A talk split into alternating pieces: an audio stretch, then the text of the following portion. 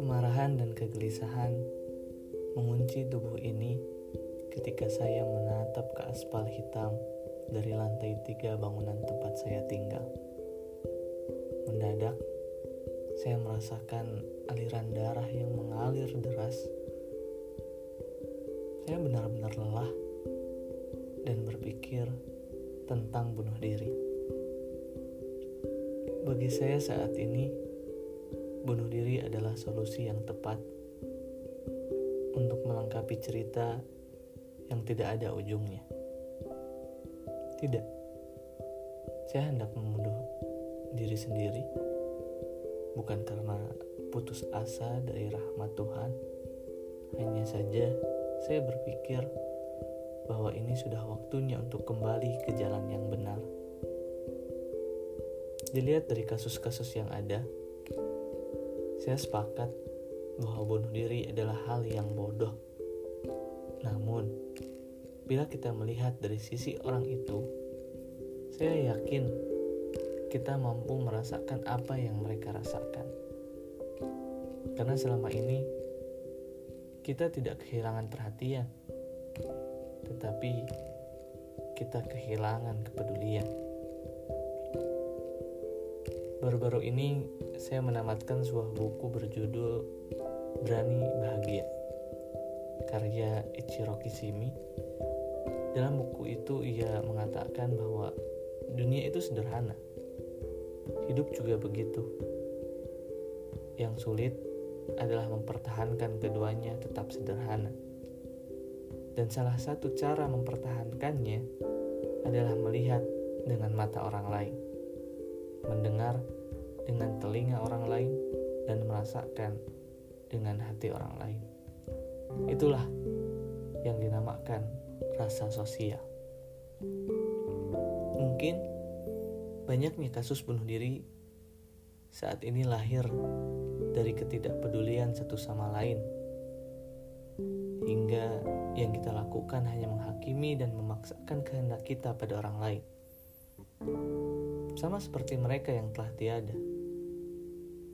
Saya sering memikirkan kematian. Salah satunya sekarang ini.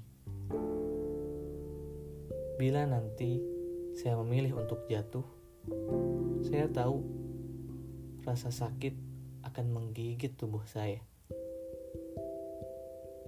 Entah kepala saya akan bocor, tulang saya akan patah, atau bola mata saya akan keluar dan menggelinding di sebelum dimakan seekor anjing. Namun, di balik itu semua, saya melihat secercah harapan. Bagaimanapun, ini adalah jembatan saya untuk bertemu Hanu. Mengingat hal itu sudah membuat saya tersenyum. Seolah ada cahaya lembut yang menyentuh pipi saya. Tatkala saya hendak meloncat, seorang perempuan berteriak memanggil nama saya dari belakang. Saya menoleh ke arahnya dia mengenakan sweater putih dan celana gelap, rambutnya pendek kemerahan. Nafas perempuan itu naik turun seolah ia dikejar waktu. Merasa kasihan padanya, saya memutuskan untuk menunda kematian dan menghampirinya. Barulah saya menyadari kecantikan yang digoreskan Tuhan di wajahnya. Namun, manusia tetaplah manusia tidak ada yang sempurna di dunia ini. Begitupun dengan perempuan ini, karena tatkala jarak kami hanya dipisah satu meter, secara jelas saya melihat mata kanannya telah buta dan jari-jari tangannya telah tiada. Dengan kondisi seperti itu, ia masih berusaha tersenyum simpul, berusaha membuat suasana lebih damai Lambat laun, ia menghilangkan jarak dan tibalah pelukannya di tubuh saya. Persis saat itu, air matanya mengalir deras.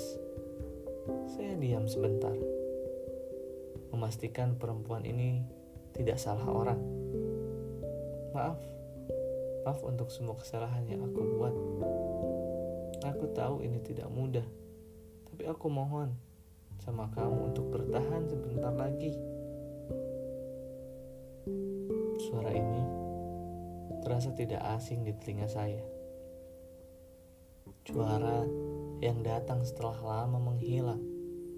Suara dari dimensi yang menjadi tempat berkumpulnya rindu hati.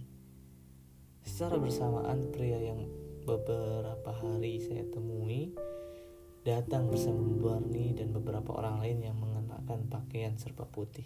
Saya kebingungan dan melepaskan pelukan perempuan ini. Saya tidak apa-apa.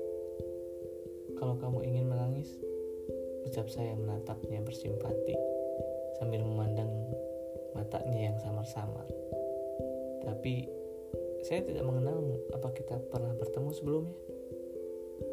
Mendengar ucapan saya, perempuan itu hanya bisa menangis.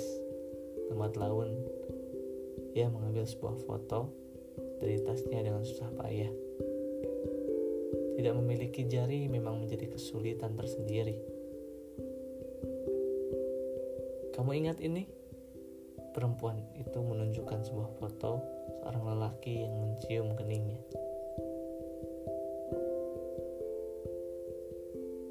Saya memupuskan pandangan dan membiarkan tak saya mengolah apa yang saya lihat. Hingga tiba-tiba saya terkejut karena wajah lelaki itu mirip sekali dengan wajah saya. Dengan suara serak menahan sesak, perempuan itu berkata, "Aku Hanum."